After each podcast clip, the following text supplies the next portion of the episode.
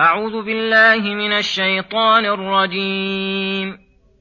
والمؤمنون والمؤمنات بعضهم أولياء بعض يأمرون بالمعروف وينهون عن المنكر ويقيمون الصلاة ويؤتون الزكاة ويطيعون الله ورسوله.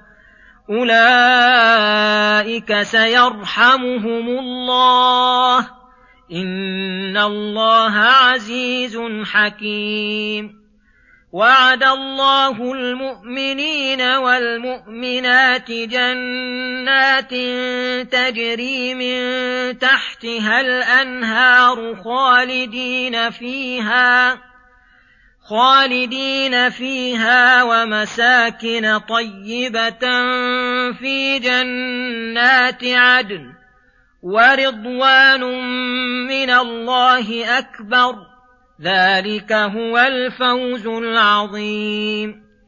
يا أيها النبي جاهد الكفار والمنافقين واغلظ عليهم ۖ ومأواهم جهنم وبئس المصير.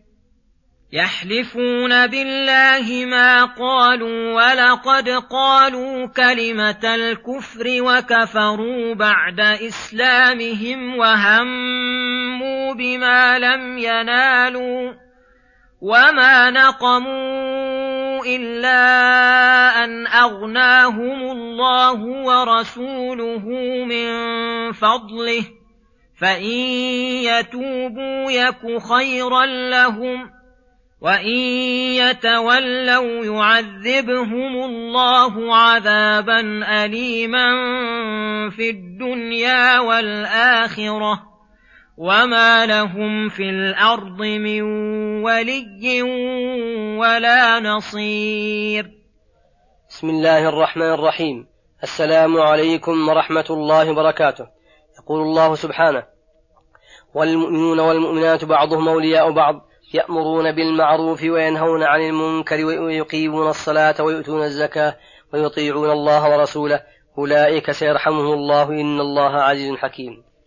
لما ذكر أن المنافقين بعضهم من بعض ذكر أن المؤمنين بعضهم أولياء بعض ووصفهم بضد ما وصف به المنافقين فقال والمؤمنون والمؤمنات أي ذكورهم وإناثهم بعضهم أولياء بعض في المحبة والموالاة والانتماء والنصرة يأمرون بالمعروف وهو اسم جامع لكل ما عرف حسنه من العقائد الحسنة والأعمال الصالحة والأخلاق الفاضلة وأول ما يدخل في أمرهم أنفسهم وينهون عن المنكر وهو كل ما خالف المعروف وناقضه من العقائد الباطلة والأعمال الخبيثة والأخلاق الرذيلة ويطيعون الله ورسوله أي لا يزالون ملازمين طاعة الله ورسوله على الدوام. أولئك سيرحمهم الله أي يدخلهم في رحمته ويشملهم بإحسانه. إن الله عزيز حكيم قوي أي قوي قاهر ومع قوته فهو حكيم يضع كل شيء موضعه اللائق به الذي يحمد على الذي يحمد على ما خلقه وأمر به. ثم ذكر ما أعد الله لهم من الثواب فقال وعد الله الذين آمنوا وعملوا الصالحات وعد الله المؤمنين والمؤمنات جنات تجري من تحت انهار خالدين فيها ومساكن طيبة في جنات عدن ورضوان من الله أكبر. ذلك هو الفوز العظيم.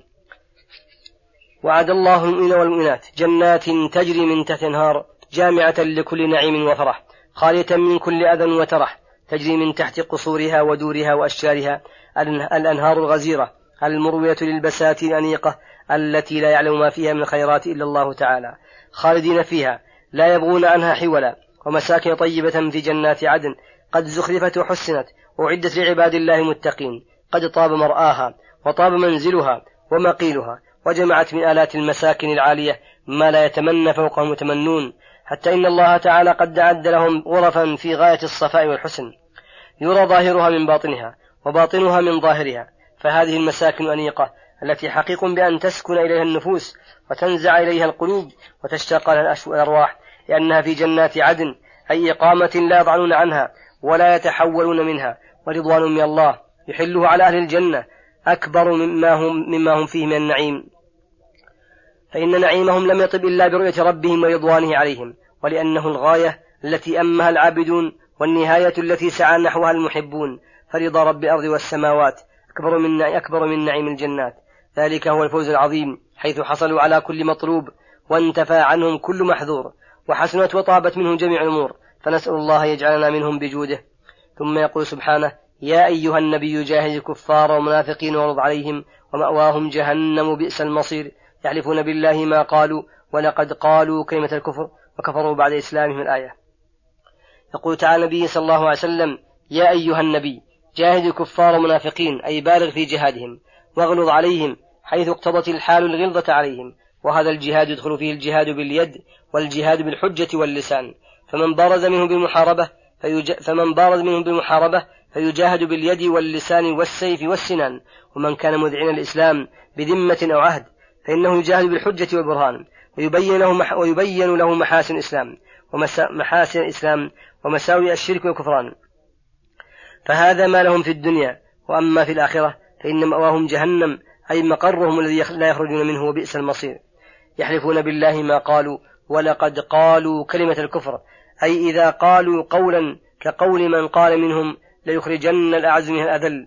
والكلام الذي يتكلم به الواحد بعد الواحد في الاستهزاء بالدين وبالرسول فإذا بلغهم أن النبي صلى الله عليه وسلم قد بلغه شيء من ذلك جاءوا إليه يحلفون بالله ما قالوا. قال تعالى مكذبا لهم ولقد قالوا كلمة الكفر وكفروا بعد إسلامهم فإسلامهم السابق وإن كان ظاهر أن نخرجهم من, دار من دائرة الكفر فكلامه الأخير ينقض إسلامهم ويدخلهم بالكفر وهموا بما لم ينالوا وذلك حين هموا بفتك برسول الله صلى الله عليه وسلم في غزوة تبوك فقص الله فقص الله عليه نبأهم فأمر من يصدهم عن قصدهم. والحال أنهم ما نقموا وعابوا من رسول الله صلى الله عليه وسلم إلا أن أغناهم الله ورسوله من فضله بعد أن كانوا فقراء معوزين. وهذا من أعجب الأشياء أن يستهينوا بمن كان سببا لإخراجهم من الظلمات إلى النور ومغنيا لهم بعد الفقر.